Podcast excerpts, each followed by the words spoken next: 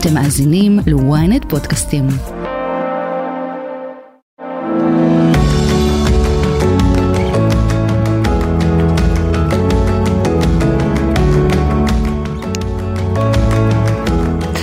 שלום לכולם אה, וגם לכולן, ברוכים הבאים לעוד תוכנית של אספת הורים, תוכנית ההורות שלנו, כאן בוויינט רדיו. העורכת היא ליאת מלכה, אה, טכנאי השידור סתיו בצלאלי ואני אגר אה, כוכבי איתכם בשעה הקרובה. ובשעה הזו אנחנו נדבר על אחד הנושאים הכי, לא יודעת, ראשוניים אולי, נושא שהוא מאוד מאוד בסיסי, אבל הוא גם מאוד מאוד עמוק ומורכב, והוא ההורות שלנו. כלומר, איזה הורים אנחנו, מה קובע בכלל איזה הורים נהיה, מה משפיע על ההורות שלנו, ואם כבר, אז מה זה אומר להיות הורים טובים? האם יש בכלל הגדרה לעניין הזה? אני רק אגיד, כמו שאני אומרת כאן מדי פעם, שהתוכנית הזו נוצרה מתוך איזושהי תובנה שאין באמת נוסחה אחת ויחידה להורות, אין אמת אחת, ועדיין אנחנו חייבים לנסות להבין מה מרכיב את התפקיד העצום הזה. אנחנו אומרים שהוא תפקיד אה, חיינו, נכון? מפעל החיים שלנו, אז בואו ננסה להבין מה זה אומר. אה, ואם הקול שלי קצת רועד, זה כי אני ממש ממש מתרגשת, אני תכף אסביר גם למה. האורחת שלי שיושבת פה אה, איתי באולפן היא מאוד אה, מיוחדת בשבילי, וכמובן שגם בזכות עצמה, לצד היותה פסיכולוגית חינוכית מומחית, וחוץ מהעובדה שהיא מחברת הספרים המדריך הישראלי להורים והורים טובים, היא גם הגיסה שלי. נכון. אז שלום רב לך, דוקטור הילי כוכבי. שלום שלום איזה כיף להיות כאן. גיסתי. וואי ממש מרגש. נכון. גם מתבקש כן? כי את יודעת בואי את עוסקת בהורות קצת יותר שנים ממני אה, וזה בהחלט אה, מתבקש. אז ממש ממש תודה שבאת וכיף שאת פה. אה, אז לפני שנדבר הילי על הורות טובה או מיטיבה אם אפשר להגדיר אותה ככה בואי נדבר קודם על ההורות עצמה. מה זה בכלל הורות? מה המשמעות של להיות הורה. וואו, שאלה גדולה ורחבה. Uh, מה זה להיות הורה? הורות היא חלק מהמשך הדור, זאת אומרת אנחנו מכירים אותה מכל מקום, גם מהטבע, אם נסתכל ממש סביבנו נראה את חתולות הרחוב uh, שמטפלות בגורים שלהן בצורה מדהימה ו- וכל מי שאי פעם גידל חיית מחמד uh, וזכה לראות המלטה. אז ראה בעצם איך ההורות קיימת בכל אה, יונק, אפילו אצל ציפורים אנחנו רואים הורות, וכשזה מגיע אלינו בני האדם, אז אה, זה אכן אה, אחד מתפקידי חיינו, תפקיד מאוד משמעותי, מאוד רחב, מאוד עמוק בזהות שלנו. אה, אגב, באופן מעניין זה לא היה תמיד ככה. מה זאת אומרת? אה, אני חושבת שעד לפני כמה עשרות שנים, רוב האנשים פשוט גידלו ילדים, לא עסקו בהורות שלהם, לא היו בהתבוננות כל הזמן, האם הייתי אימא טובה היום, האם עשיתי את הדברים בצורה מספיק uh, מכווננת לילדים וכולי, זה לא היה כזה נושא, זה הפך להיות uh, הרבה הרבה יותר uh, דומיננטי בחיים שלנו בעשרות השנים האחרונות, ובטח בשנים האחרונות ממש, אין מי שלא עוסק בהורות שלו. Uh, יש לזה צדדים חיוביים ויש גם פחות. כן, אני, אני יכולה לדמיין. לא לדמיין אלא ממש להרגיש ממקור ראשון. מה זו הורות טובה? יש דבר כזה? האמת שכן. האמת שכן, יש הרבה דברים שאנחנו יודעים, אה, שהפסיכולוגיה בעצם מספרת לנו על יסודות ההורות, אבל אולי כדי להתחיל אה, לדבר עליהם, נגיד לפני הכל, שכולנו בעצם הורים טובים. זאת וואו, אומרת, כן, ממש. וואו, איזה משפט. ממש, אני מאמינה בו בכל ליבי, מה שנקרא. רוב רובם של ההורים, זאת אומרת, אם אנחנו מחריגים לרגע את המקרים המאוד מאוד קיצוניים כן. של הזנחה והתעללות שהם באמת דברים אה, בשולי שולי החברה הנורמטיבית אז אנחנו עושים עבודה מאוד טובה כהורים בלי לקרוא על הדברים בספרים בלי mm-hmm. לעשות קורסים אה, מקיפים כן. אנחנו באמת הורים טובים. אמ, ואנחנו עושים דברים בצורה נפלאה. אני חושבת שמה שנעשה היום בתוכנית הנהדרת הזאת, זה נדבר על הדברים, ניתן להם קצת שמות, mm-hmm. מושגים, אה, משהו שיעזור לנו לכוונן בצורה יותר טובה את האינטואיציות ההוריות ואת הדברים שאנחנו עושים ממילא. כן. ממש חשוב לי להגיד, זאת אומרת, אנחנו לא באיזה פער בין מה שקיים למה שרצוי, אלא אנחנו עושים את הדברים בצורה טובה. Mm-hmm. אה, ובואו נדבר על זה. מאה אחוז. אה, הילי, לי, אם אני אשאל אותך מה הכי חשוב לדעתך בהורות, אפשר להצביע על דבר כזה או שזה מכלול או... אני חושבת שבבסיס אה, מדובר על קשר. Mm-hmm. זאת אומרת, הורות היא קודם כל אה, קשר בין אנשים, בין הורים שהם אנשים מבוגרים, גדולים, אה, חזקים אה, וכולי, לבין הילדים שלהם. אה, הקשר הזה הוא לא שוויוני, הוא לא סימטרי, זאת אומרת זה קשר שבהגדרה הוא אסימטרי. Mm-hmm. ילד ומבוגר, או תינוק ואימא, אבא, או כל הרכב משפחתי אחר, אנחנו היום אה, חיים בסביבה של משפחות אה, בהרכבים מגוונים. Mm-hmm. אה, בכל מקרה זה קשר שהוא אסימטרי, ומה שאנחנו יודעים לומר זה שהקשר הזה, הדבר הזה שנבנה אה, בתוך ההורות בין ההורים לילדיהם, אה, מייצר איזשהו מודל שהילדים לוקחים איתם אחר כך לקשרים בין אישיים mm-hmm. במקומות אחרים. כן. אה, פה אנחנו בעצם מדברים על תיאוריית ההתקשרות, ה-attachment theory של uh, פסיכיאטר בשם uh, ג'ון בולבי, שהוא זה שדיבר על הדברים לראשונה באמצע המאה ה-20. ובעצם מה שבולבי אומר לנו uh, זה קודם כל הצאצא מכוון גנטית להיקשר להורים שלו. Mm-hmm. שוב, בין אם זה בעולם החי או בסביבה כן. האנושית, תינוקות מכוונים גנטית להיקשר להורים. ההורים מכוונים גנטית לטפל בילדים. Mm-hmm. זאת אומרת, אנחנו לא צריכים ללמוד את זה, אנחנו בנויים אה, בצורה כזאת שאנחנו נקשרים למבוגר שמטפל בנו, בדרך כלל זה ההורים, mm-hmm. אה, וההיקשרות הזאת, כשהיא נעשית בצורה טובה, בצורה בטוחה, מה זה צורה בטוחה? זה כשיש בסך הכל היענות טובה של ההורים לצורכי הילד, התינוק, הוא בוכה אז ניגשים אליו ומנסים לעכל את הבכי ומנסים לשאול את הילד שחוזר מהגן מה קרה ואת המתבגר שמסתגר בחדר מה, מה קורה עכשיו. אה, זאת אומרת אנחנו פה מעבר לגיל זה קיים אה, בכל הגילאים. Mm-hmm. עצם ההיענות הזאת של המבוגר לילד או הילדה, הרצון לדעת להיטיב וכולי, זה מה שמבסס בסופו של דבר התקשרות בטוחה, התקשרות mm-hmm. טובה. ואין מתנה יותר גדולה שאנחנו יכולים להעניק לילדים שלנו mm-hmm. מאשר את ההתקשרות הבטוחה. כן, וואו. אז את אומרת שהורות היא קודם כל קשר, נכון, עם מערכת יחסים. ממש. ודיברנו גם קצת על, על, על אה, תיאוריית ההתקשרות וההתקשרות הטובה. אה, בוא נדבר על מה משפיע עוד עלינו כהורים, מה יקבע איזה הורים אנחנו. וואו, שאלה גדולה. אז דבר ראשון, הורות תמיד צומחת בתוך uh, הקשר uh, הורי, זאת אומרת, יש... חיכיתי שתגידי את זה, כן. יש דפוסים שאנחנו uh, רוכשים אותם מעצם העובדה שכולנו היינו ילדים להורים.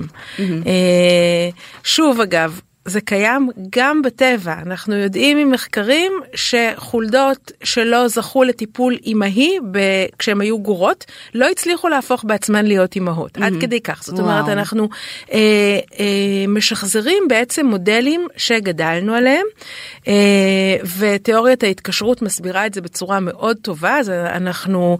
אה, כשהיו לנו הורים שטיפלו בנו היטב, הדבר הזה תובע בנו ממש את התשתית mm-hmm. ליכולת שלנו לטפל היטב בילדים שלנו. כן.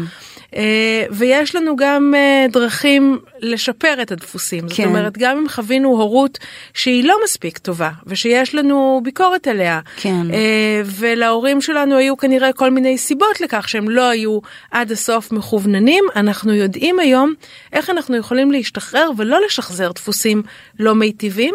וואו. אני אגיד אולי ממש במשפט, כי זה נושא גדול ורחב, mm-hmm. הדרך להשתחרר מדפוסים פחות רצויים היא בעיקר אה, להכיר בהם, להתבונן בהם, אה, לספר את הסיפור לעצמנו, בעזרת טיפול, לפעמים בעזרת בן בת הזוג, חברה טובה, להבין מה היה שם. כן. להכניס חמלה לתוך הסיפור, להבין איך זה השתלשל, ואז אנחנו ממש רואים איך נפתחת בפנינו האפשרות אה, להיות הורים הכי טובים. שיכולים להיות עם התקשרות בטוחה וכולי, זה ממש זה מעניין. באמת אה, מעניין וזה גם מעודד משום שאנחנו קיבלנו אה, המון שאלות אה, בנושא הזה ובאמת חלק גדול מהשאלות עסק בדיוק בעניין הזה. אה, האם אני בסך הכל משחזרת את הדפוסים של ההורים שלי, האם אני משחזרת רק את הילדות ש, שאני חוויתי mm-hmm. אה, ואיך מתקנים לאורך הדרך. את יודעת מה, אם כבר דיברתי על שאלות, אני אקריא שאלה אחת אה, שקיבלנו, אני חושבת שאת ענית כבר על חלק מהדברים, אבל בואי נראה. אז אה, אימא, סליחה, לא אימא, מישהי כתבה, mm-hmm. אה, כן, היא עדיין לא אימא, אני בת 35, נשואה כבר חמש שנים, כל חיי הרגשתי והצהרתי שאני על-הורית. לא, לא היה לי רצון להיות אימא, ואני לא חושבת שיש בי את מה שצריך כדי לעשות את זה טוב. לאחרונה בעלי לוחץ עליי שנביא ילדים, אני מנסה להסביר לו ולמשפחה שלוחצת שאני לא כמו כולם, וואי, זו תחושה קשה. ואין לי את היכולת הזו, אבל אה, הוא אומר לי שכשנולד ילד האינסטינקטים האימהיים נולדים יחד איתו, האם זה נכון? האם נולדנו להיות הורים? וזה היצר שטבוע בנו. אז וואו, איזו שאלה.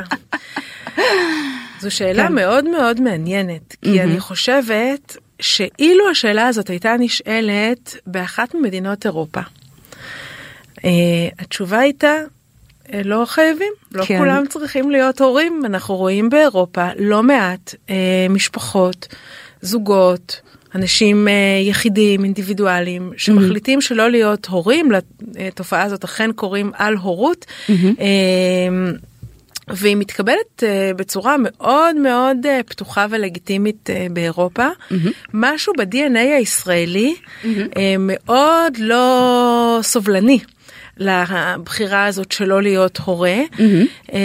אנחנו חיים במדינת ילדים זו שמחה, אה, אנחנו חיים במדינת אה, שיעור פריון של אה, שלושה ש... ילדים כן. למשפחה, שלושה פלוס. פסיק אחד אפילו, כן, גם במגזר היהודי וגם במגזר הערבי אגב. אנחנו מכירים את המשפחות החילוניות לגמרי עם שלושה ילדים בממוצע, זאת אומרת זה לא מגיע רק מסטטיסטיקה mm-hmm. של המגזר החרדי למשל, זאת אומרת זה בהחלט, אנחנו במדינה עם שיעור פריון מאוד גבוה ועידוד מאוד מאוד גבוה למספר רב mm-hmm. של ילדים. ילדים במשפחה, ונשים אה, בישראל שמחליטות אה, לא להביא ילדים לעולם נמצאות בסוג של לחץ. Mm-hmm. אה, פה אנחנו מדברים על לחץ מצד אה, בן הזוג, זאת אומרת, אה, הוא רוצה ילדים, הם בתוך קשר זוגי, אה, אז אה, אני חושבת שזו החלטה זוגית אה, משותפת, כן. מורכבת. אה, אני כאשת מקצוע, חושבת שאנחנו כן אמורים להיות בתוך המרחב הזה שבסופו של דבר זו בחירה. בחירה. אה, כן. אני לא הייתי רוצה שאנשים יבחרו שלא להביא ילדים מתוך חרדה, מתוך mm. מחשבה של אין לי סיכוי לעשות את זה טוב. כן. אני חושבת שכל אחד שרוצה יכול לעשות את זה בצורה מיטיבה. כן, כן. אה, זאת אומרת שהיא יכולה. היא יכולה, כולנו יכולים, נכון? בהחלט, אין, כן. בהחלט. כן, אני זוכ... כן. זוכרת, הילי, רגע, רק אם את יכולה בבקשה להתקרב למיקרופון, מבקשים ממני לבקש. אה, אני זוכרת שכשאני הייתי בהיריון עם לירי, בתי הגדולה, היו לנו המון שיחות, נכון? אחד הדברים שאמרת לי, דיברת על ההתפעלות. אני כמובן אה, הבעתי חששות, אה, ואני לא אשכח משפט אחד שלך על התפעלות. אוקיי. יהיה בסדר, אתם מתפעלים, אתם יודעים להתפעל. כן. בואי תסבירי לנו. כן, וואו. טוב, התפעלות זה באמת נושא שאני אוהבת לדבר עליו, כי הרבה הורים כשהם חושבים על, אה, או אנשים לקראת הורות, אה, יודעים שהם אמורים להיות אה, סמכותיים, ושיהיו חוקים בבית, ושיהיו גבולות ו- וכולי, ואהבה זה ברור שכולנו יודעים שיש אהבה אמהית, אבל לא יודעים באמת מה התוכן של כל הדבר הזה. Mm-hmm. והתפעלות זה אחד הנושאים המהותיים, כי בעצם תינוק שנולד, ואני מצטטת פה עכשיו תיאוריה של פסיכואנליטיקאי נוסף בשם היינס קוהוט, אה, פסיכואנליטיקאי גרמני, אה, תיאוריה אבל שאני מאוד מאוד מחוברת אליה ואוהבת אותה, תינוק שנולד לא יודע על עצמו שום דבר. זאת אומרת, החוויה שלו היא חוויה מאוד מאוד כאוטית, שברירית, לא אינטגרטיבית, הוא לא מכיר את העולם, הוא לא יודע בדיוק מה קורה. Mm-hmm. כדי להבין את המציאות הוא זקוק להורים. ההורים האלה נמצאים בתפקיד למולו. Uh, ההורים האלה הופכים להיות סוג של הרחבה של עצמו, הם, הם בעצם בדרך מגע, דרך עיניים, דרך קול וכולי, לאט לאט מייצרים חוויה שלמה של המציאות. Mm-hmm. בתוך החוויה הזאת קיים המימד הזה של ההתפעלות. כשאנחנו מסתכלים על תינוק ובאופן הכי אינסטינקטיבי וטבעי אנחנו ככה פוקחים את העיניים ואומרים איזה תינוק מדהים אתה, איזה ילד נפלא אתה, איזה ילדה נהדרת נולדה לי, איזה מקסימה את וכולי, בעצם אנחנו מהווים מעין מראה. עבור אותו תינוק או תינוקת, אה, תהליך שנקרא שיקוף או מירורינג באנגלית, והשיקוף הזה מייצר לתינוק את התחושה, וואו, אני שווה, mm. אני אדם, אני אדם טוב. עכשיו, תראי מה קורה לנו. Mm-hmm. אנחנו עושים את זה בדרך כלל ממש ממש טוב כשהם קטנטנים. וכשהם מעוררי התפעלות אם יש להם גזים אז קצת פחות נכון אנחנו אומרים די כבר תפסיק לבכות וגם זה כמובן טבעי ואנושי אבל אנחנו עושים את זה טוב כשהילדים קטנים והם מתוקים והם אה, כל צעד נוסף שהם עושים אז אנחנו יוצאים מגדרנו מהתפעלות ואז באמת אנחנו נותנים איזושהי תשתית מאוד חשובה לדימוי העצמי שלהם זה ממש mm-hmm. יסודות הדימוי העצמי כן. אבל אז יש גיל שהם קצת מתחילים לאכזב אותנו שפתאום יש תכונות. תכונות שאנחנו פחות אוהבים, או התנהגויות שאנחנו לא אוהבים. כן. ואז המראה שאנחנו כהורים מציבים לילדים שלנו, לפעמים הופכת להיות מראה פחות מחמיאה. אני רוצה לספר שאחת הפניות שקיבלנו באמת לקראת התוכנית, היא הייתה מאימא שכתבה שהבת המתבגרת שלה, שהיא רוצה להיות אימא טובה, היא חושבת שהיא אימא טובה, אבל הבת המתבגרת שלה מוציאה ממנה, זה ציטוט שלה כמובן, mm-hmm. מוציאה ממנה את כל הדברים הלא טובים אה, בהורות ובאימהות. וואו. זה ממש היה וואו. כזה משפט קשה. כן. אז אנחנו באמת יודעים איך דווקא הילדים שלנו, האנשים הכי חשובים לנו בעולם, לפעמים מוציאים מאיתנו את הצדדים הכי לא מחמיאים שלנו. כן. אנחנו מדברים לילדים שלנו לפעמים כמו שלא היינו מדברים לאף אחד אחר. Mm-hmm. נכון? לא, לא היינו מדברים לחברה טובה בצורה כזאת, או לבוס בעבודה, או לעובדים שלנו וכולי. יש משהו במערכת היחסים הזאת. שוב, זה מתחיל מזה שנורא חשוב לנו לעשות אותה בצורה טובה, ואנחנו מאוד מעורבים רגשית, אנחנו לא יכולים שלא להיות מעורבים רגשית, כי זה הילדים שלנו. פלוס גיל ההתבגרות שהוא סאגה בפני עצמה, שמכניס הרבה מאוד סערה כן. לתוך כל המערכת, ואז לפעמים מוציאים מאיתנו דברים שהם מאוד לא מחמיאים ושאנחנו אחר כך מתחרטים עליהם כן. ומרגישים אשמים עליהם ועוד נדבר בטח על אשמה. אני רוצה להגיד משהו חשוב על העניין הזה. דווקא בגיל ההתבגרות ובעצם בכל גיל, הילדים זקוקים לנו כמראה מיטיבה. הם זקוקים להתפעלות שלנו. הם זקוקים, באמת, המחשבות שלנו לגביהם הן אבני הבניין לדימוי העצמי שמתפתח. כן. מי לא כן. רוצה ילד עם דימוי עצמי חיובי? בטח. מי לא רוצה ילד שיחשוב על עצמו דברים טובים? כן. עכשיו, אני לא אומרת, ההתפעלות לא יכולה להיות מזויפת. אם הבת המתבגרת שלי מתנהגת בצורה איומה, אני לא אתפעל מזה. כן. אני, אני אעמיד אותה על מקומה, אני אגיד לה שהתנהגה לא יפה, שהיא התחצפה, זאת אומרת, יש פה מקום בהחלט לפידבק שהוא פידבק... אה, סמכותי, מציב גבולות וכולי. אבל אני אשתדל שזה יהיה עד כמה שאפשר נקודתי, כן. אה, תגובה להתנהגות ולא תכונה, ואני אחפש ממש קצה חוט למצוא איפה החלקים הבריאים, המתפקדים, שמעוררים התפעלות, אולי זה חוש הומור, אולי זו סקרנות, אולי זה יכולת ריקוד, אולי אה, פעם אמר לי אבא שנינו אוהבים גאדג'טים יופי מצוין כן. אז תתפעלו מהדבר הזה תעשו כן. את הדברים אבל תנו לילד או למתבגר את ההרגשה שהוא שווה. זה כל כך אה, חשוב בעיניי, אני גם, את יודעת, חושבת שאנחנו לפעמים, במודע שלא במודע, שמים גם על הילדים שלנו כזה שק של, של רגשות, של ציפיות, של אכזבות.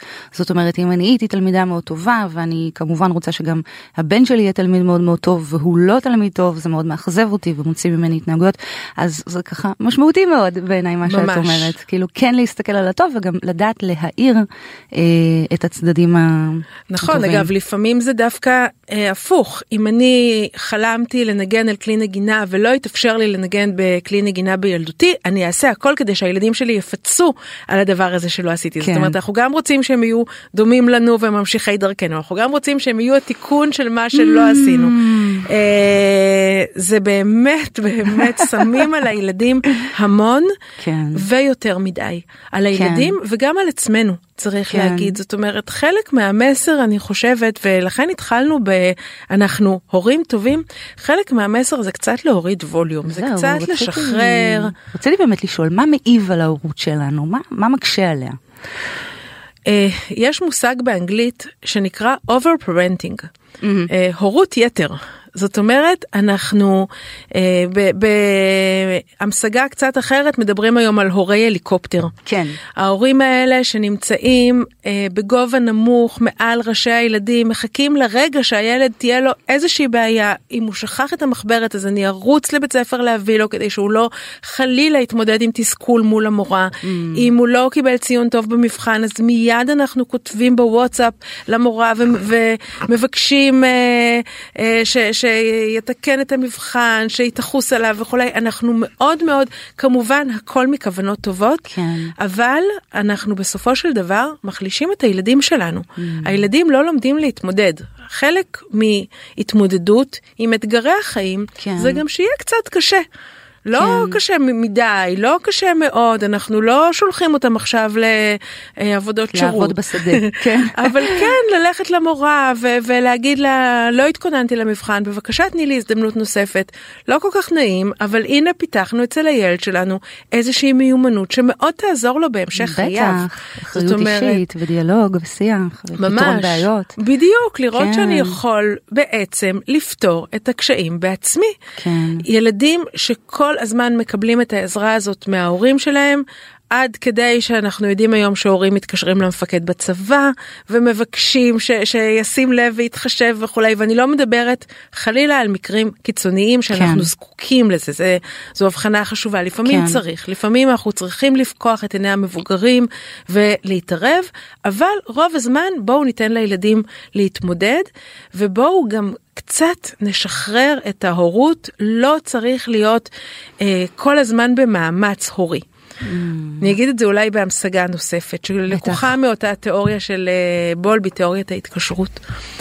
בעצם הרבה מהתפקיד ההורי אה, הוא להיות בעמדת המתנה. Mm-hmm. מה זו עמדת המתנה? Mm-hmm. מה הילדים צריכים מאיתנו? הם צריכים אותנו במידה רבה מאוד כתחנת תדלוק, תדלוק רגשי. זאת אומרת, הם יוצאים מהבית שלנו יום יום אל העולם.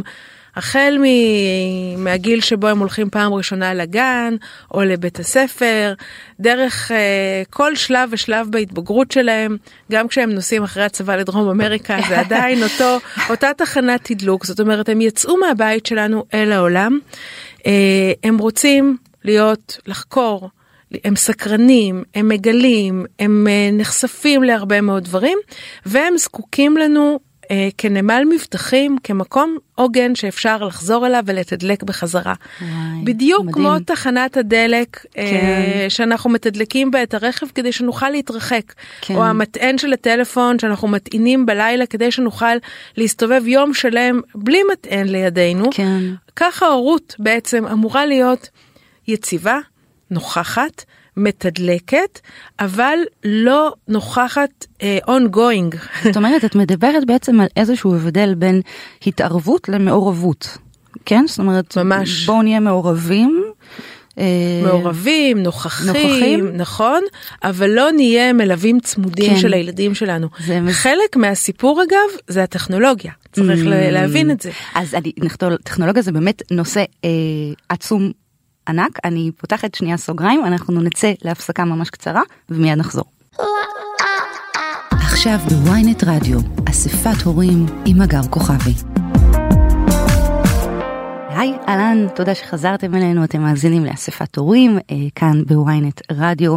איזה שיחה מרתקת יש לנו היום על הורות, אה, מה זה בכלל אומר להיות הורים ואיך להיות הורים טובים יותר. אה, דוקטור אילי כוכבי, היי.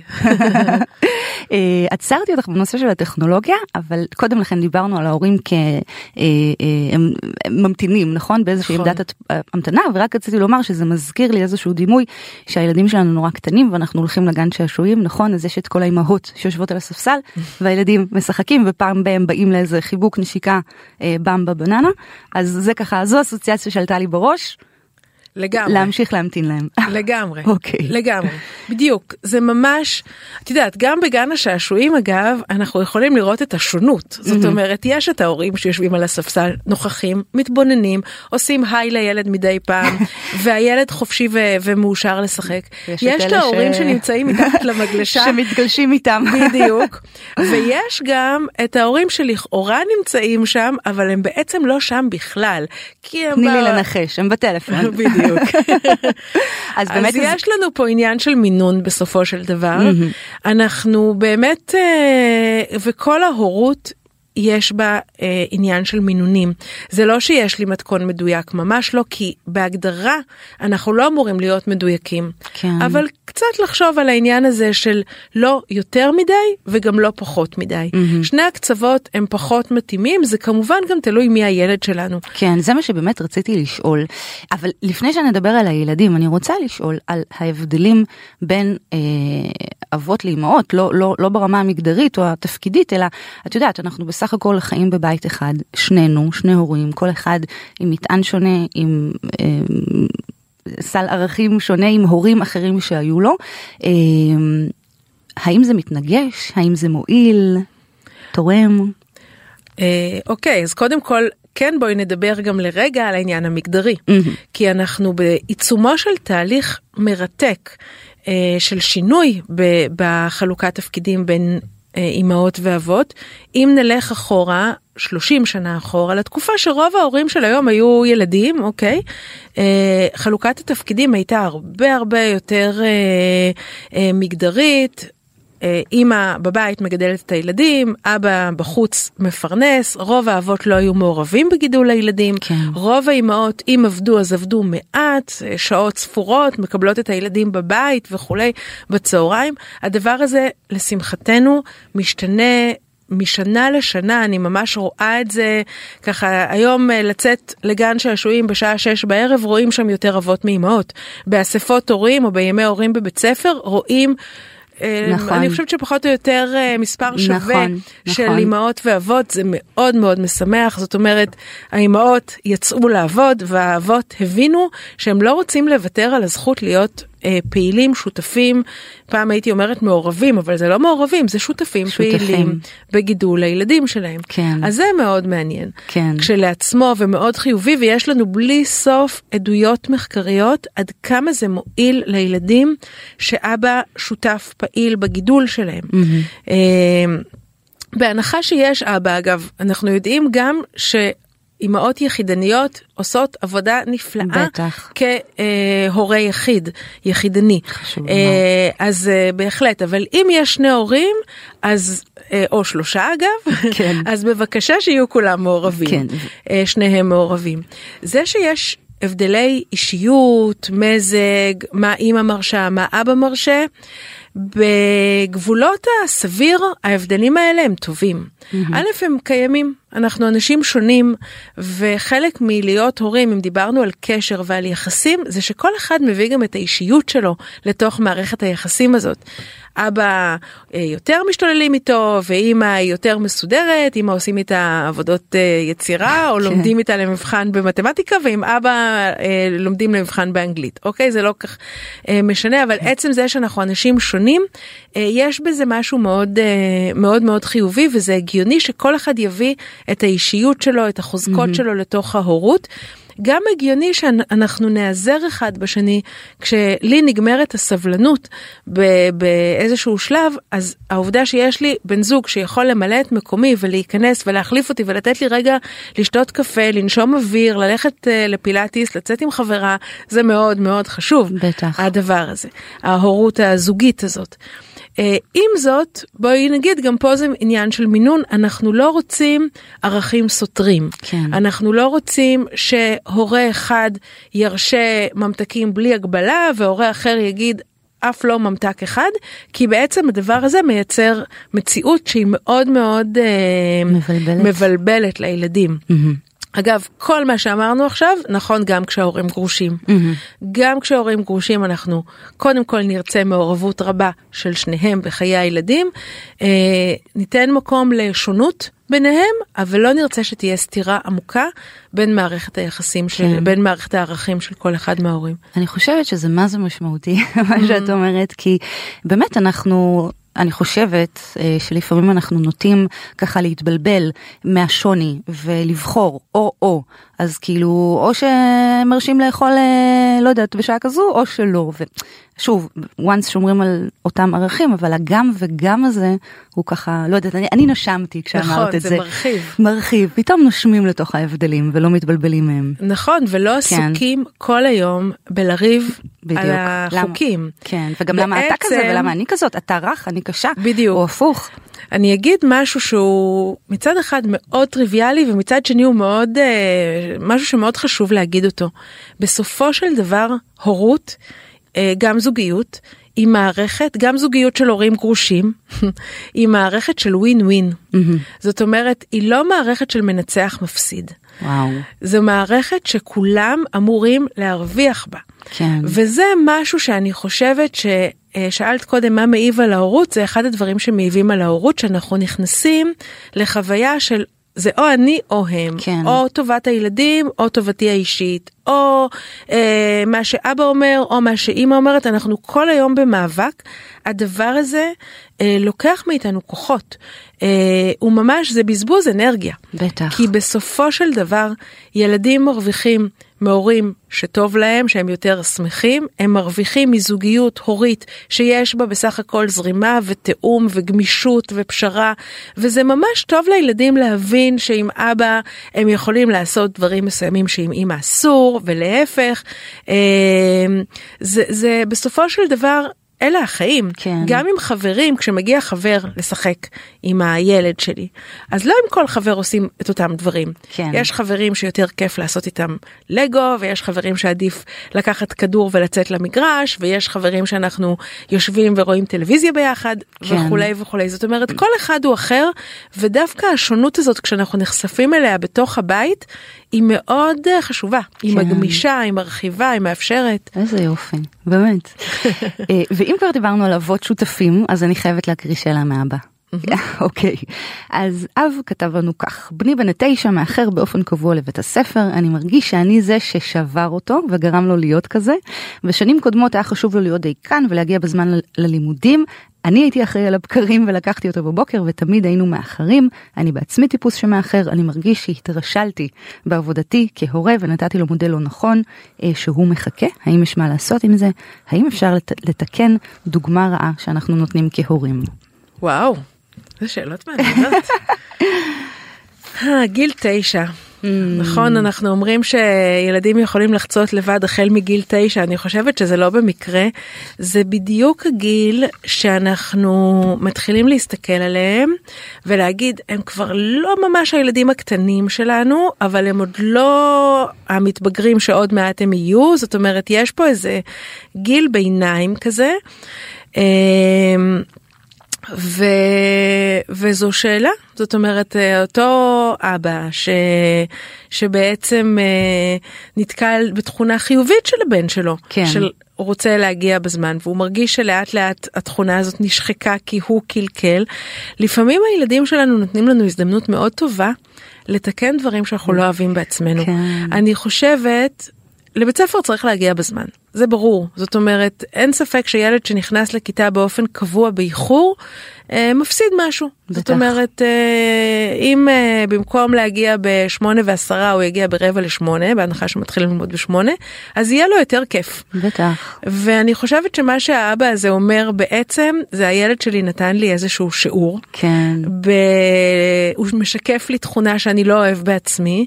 ואני ממש חושבת שזו הזדמנות, הזדמנות. להגיד אני עושה את המאמץ, ילד בן תשע עדיין תלוי בהתארגנות של ההורים בבוקר כדי להגיע בזמן, זאת אומרת יש מישהו שמכין לו את הסנדוויץ' ומישהו שככה אה, אומר לו יום טוב בדלת, היא בהנחה שהוא הולך לבד, כן. אז כן, תעשו את המאמץ כדי להגיע בזמן, זה, זה חשוב, ותגיד לילד שלך תודה ותספר לו את הסיפור הזה כש, כשהוא יהיה גדול, תגיד לו בזכותך למדתי את החשיבות של להגיע בזמן. וואו, וואו, זה... אבל שוב, גם לא כן. לא להעמיס על זה את זה שאני לא הורה טוב ואני מתרשל, גם זה לא... זאת אומרת, לעשות את הכל באמת מתוך אה, איזושהי חמלה עצמית. זאת אומרת, כן. מתוך ידידותיות כלפי עצמנו, כן. ולא מתוך איזה קטסטרופה. כן. בסופו של דבר, תהליך למידה.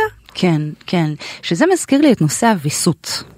נושא הוויסות, אה, המעורבות שלנו בתוך סיטואציה, ההזדהות לעומת המרחק, איך את תופסת את זה?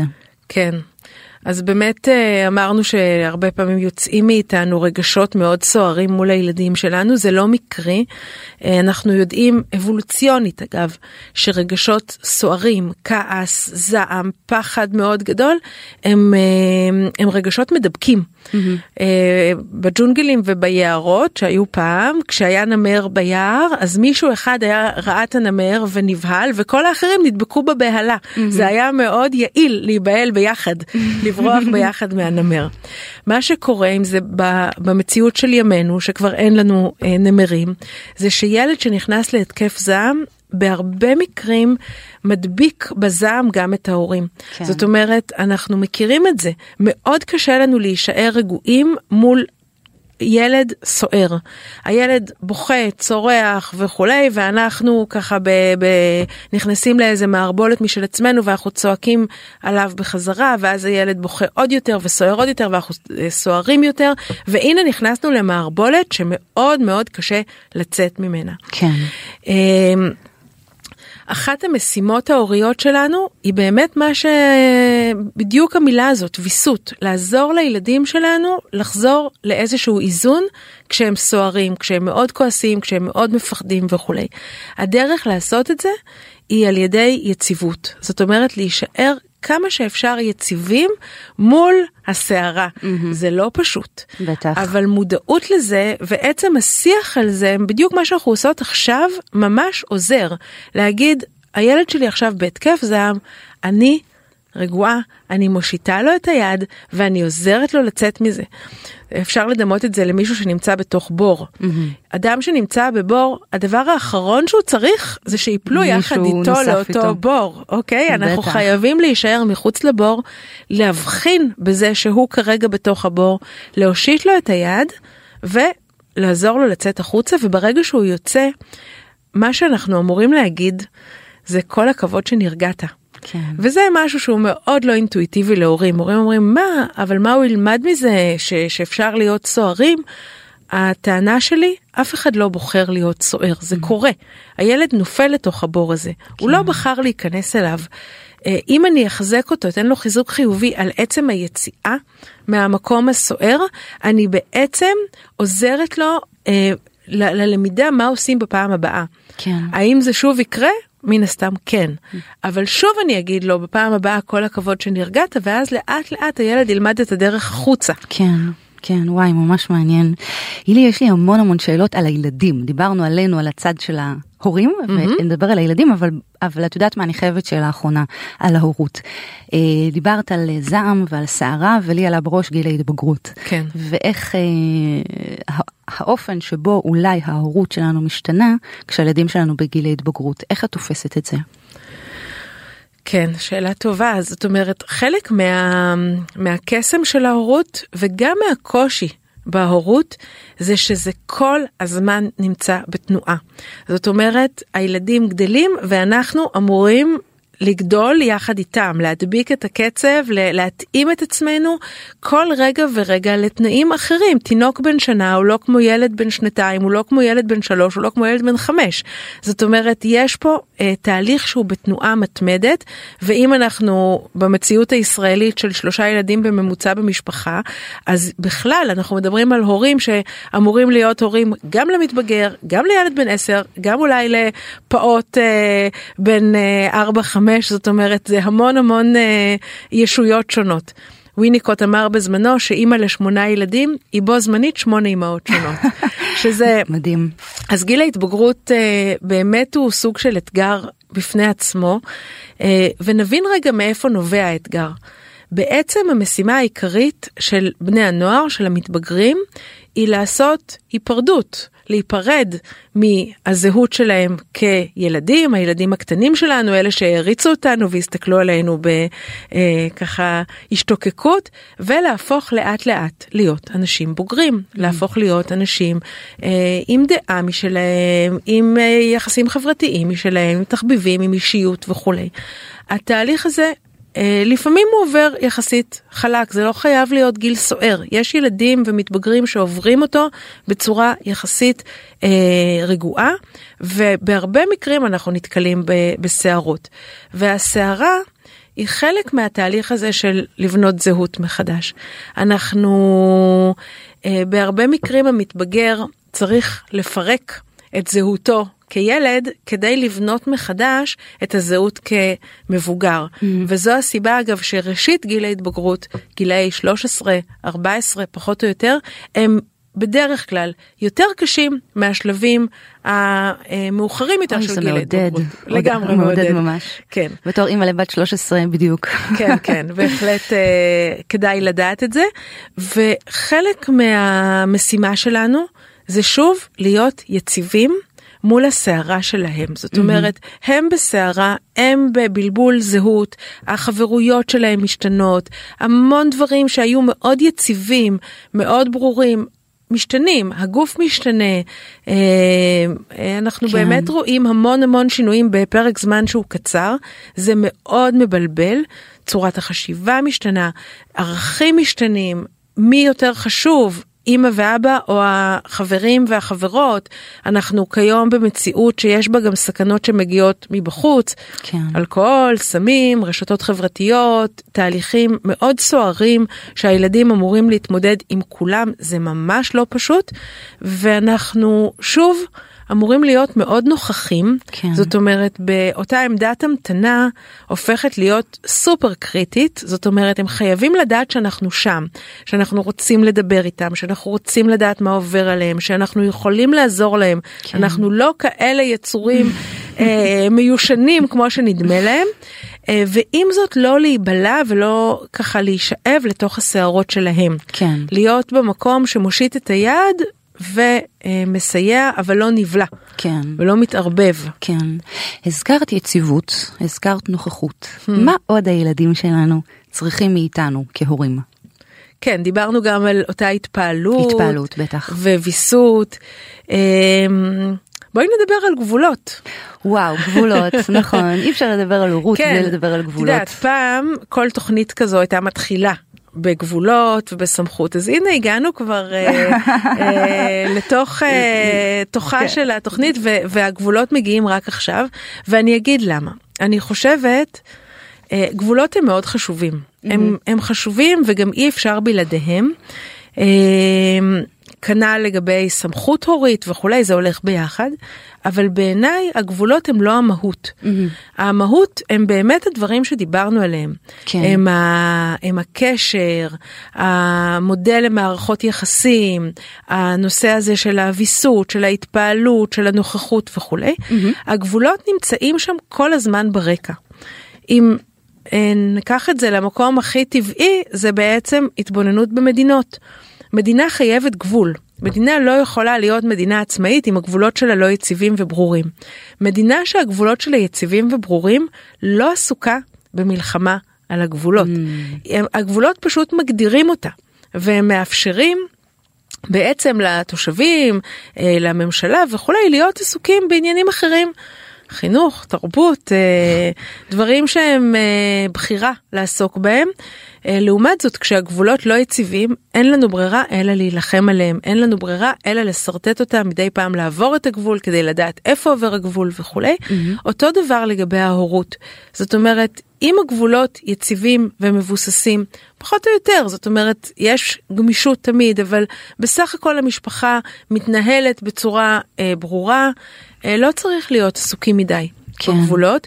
אם אנחנו מרגישים שהגבולות לא יציבים, אין לנו ברירה אלא להילחם על הגבולות. זאת אומרת, בבתים שילדים מתחצפים להורים שלהם למשל, או כשילד אה, לא הולך לבית ספר, או כשיש דברים שהם באמת יסודיים, אנחנו חייבים קודם כל להביא את סדר לתוך כן. המערכת ורק אז נוכל להיות כן. עסוקים בכל הדברים האחרים. כן, אני מבינה.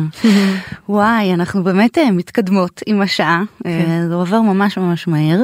Uh, יש לך עוד ככה הילי לקראת סיום, זאת אומרת אנחנו לא מסיימות, יש עוד פינה ועוד הפתעות, אבל משהו שהיית רוצה לומר להורים uh, באשר הם. כן, uh, אני חושבת והזכרנו את זה ככה, אבל בואי נדבר על זה בצורה ברורה. כן. אנשים היום אה, מלאי רגשות אשמה. מלאי רגשות אשמה וביקורת עצמית, וממש יש המון המון אה, חוויה של אה, אשמה הורית. זה ממש קשה. ממש. כן. ואנחנו יודעים גם ממחקרים וגם מניסיון קליני וכולי, האשמה לא מועילה. היא בעצם מכרסמת במשאב ההורי שלנו. להסתובב עם רגשות אשמה זה כמו ללכת עם איזה קידבג כבד שמקשה עלינו ולא מאפשר לנו את ההנאה שבהורות. אולי תכף נדבר גם על משחקיות. כן. אה, אז אני חושבת שאנחנו צריכים ללמוד להיפרד מהביקורת העצמית ולהיפרד מרגשות האשמה. ולהחליף אותם ביחס הרבה יותר חם וידידותי כלפי עצמנו, מה שנקרא אה, חמלה עצמית. כן. אה, להתייחס לעצמנו כמו שהיינו מתייחסים לחברה טובה. שבאה להתייעץ ואומרת לנו שקשה ושלא פשוט ואנחנו אומרים מה באמת ספרי לי עוד מה קורה וכולי אנחנו לא כועסים עליה אנחנו לא אומרים מיד זה הכל כי את לא עושה את הדברים בצורה טובה וכולי. כן. אה, אנחנו אה, כן יכולים להשתמש בביקורת העצמית כדי להגיד, יש דברים שהם לא באיזון אצלי. אני רוצה להיות יותר שעות בבית. אני רוצה להיות יותר עם הילדים שלי. זה בסדר להסתכל על זה בעין ידידותית כן. ולעשות שינוי. לראות איפה אני יכולה כן לנוע בחופשיות בתוך המרחב הזה ואולי לקבל יותר עזרה אה, מבחוץ, אולי לעשות איזשהו שינוי בעבודה. זאת אומרת, כן יש פה מקום אה, להתייחס לתוכן של הדברים, אבל המוזיקה צריכה להיות מוזיקה ידידותית כן. ולא מוזיקה ביקורתית כי כן. בתוך אווירה ביקורתית מאוד מאוד קשה לייצר שינויים ומאוד קשה להיות בהנאה הזאת מהדבר הזה שקוראים לו הורות. כן, אני מבינה. ובואי נדבר על משחקיות. כן. כן. אה, שוב, החיים שלנו עמוסים, יש המון משימות. בית ספר כל רגע מודיע לנו שאנחנו צריכים להביא חולצה לבנה למחר ומשלוח מנות ועוד ועוד ועוד משימות ומטלות ואנחנו כל היום עסוקים בלעשות מה שצריך. Mm-hmm. ולפעמים בתוך הבלגן הזה של הצריך אנחנו מפספסים את הפשוט להיות, mm-hmm. פשוט להיות באווירה כיפית, שמחה, משחקית, רוצים שהילדים יסדרו את החדר, שימו להם איזה שיר שהם אוהבים בטלפון ותגידו להם עד שהשיר נגמר אנחנו כולנו עכשיו מסדרים את הבית אתם מסדרים את החדר אני מסדרת את הסלון למשל. כן. אה, לעשות פרצופים מצחיקים מול הראי באמבטיה. לאכול יחד ארוחת ערב בלי מסכים, לשים מסכים בצד ורק לדבר כן. על מה היה, אה, להכניס פנימה לתוך המערכת הזאת רגשות חיוביים, נעימים, משחקיים, ולא רק את המטלות, כעס, כן. כל הדברים האלה שהם בהכרח יהיו, זאת אומרת הם חלק מהשגרה שלנו, כן. ודווקא בגלל זה אנחנו צריכים ככה להחדיר אנרגיות טובות לתוך כן. החיים, אנרגיות של משחק, של צחוק, של שטות. כן. אה, כן. אני שואלת את עצמי לפעמים, אה, לא רק באיזה בית אני רוצה שהבנות יגדלו, אלא גם באיזה בית אני רוצה לגדול, באיזה בית אני רוצה לחיות. אה, כן, מהמם. הזכיר לי את זה. מהמם, כן. לי יש תמיד את המטאפורה של מזג האוויר, שכשאנחנו יוצאים לטיול ומזג האוויר הוא נעים וטוב, אז כמעט לא משנה לאן הגענו. וואי, כל כך נכון. אנחנו פשוט כיף לנו פשוט ואנחנו כיף. נהנים, ומצד שני אם ניסע לאתר הכי ככה נחשב וכולי, ויהיה לנו נורא נורא חם או שיהיה מאוד סוער, אז אנחנו כנראה לא נהנה. והעניין הזה של האווירה הוא באמת מאוד מאוד משמעותי של מזג האוויר בבית. איך, אה, איך האקלים הכללי אה, בבית. ממש מעניין. אה, שאלה אחרונה, לצערי ממש, אבל את יודעת מה, אני לא חושבת ששאלתי אותך פעם, גיסתי היקרה, מה בעצם משך אותך לתחום ההורות, זאת אומרת, או בכלל לתחום הפסיכולוגיה החינוכית, כאילו למה בחר דווקא במומחיות הזו? המרתקת הזו. בדיוק, אני אין לי מילים, ממש. כן, כן. טוב, הסיפור הזה הולך אחורה 24 שנים כמעט, וואו. כן. כשסיימתי אה, לימודים במגמה הפסיכולוגיה הקלינית של הילד בתל אביב ובאופן טבעי במגמה לפסיכולוגיה קלינית של ילדים אה, בעצם הדגש הוא על העולם הפנימי של הילד טיפול פרטני בילדים אחד על אחד ואני ממש זוכרת איזה אי נוחות שהייתה לי בתוך הדבר הזה מאוד נהניתי מעולם הטיפול אבל הרגשתי שמשהו אה, לא שלם. והדבר הלא שלם הזה בעצם היה, היו לו שני מימדים. אחד, זה מי נשאר מחוץ לחדר. ומי שנשאר מחוץ לחדר היו ההורים, והרגשתי את הדאגה, את הספקות, את הקנאה אולי במטפלת הצעירה הזאת שנכנסת פה עם הילד ומה קורה שם בתוך חדר הטיפולים, זה מאוד העסיק אותי.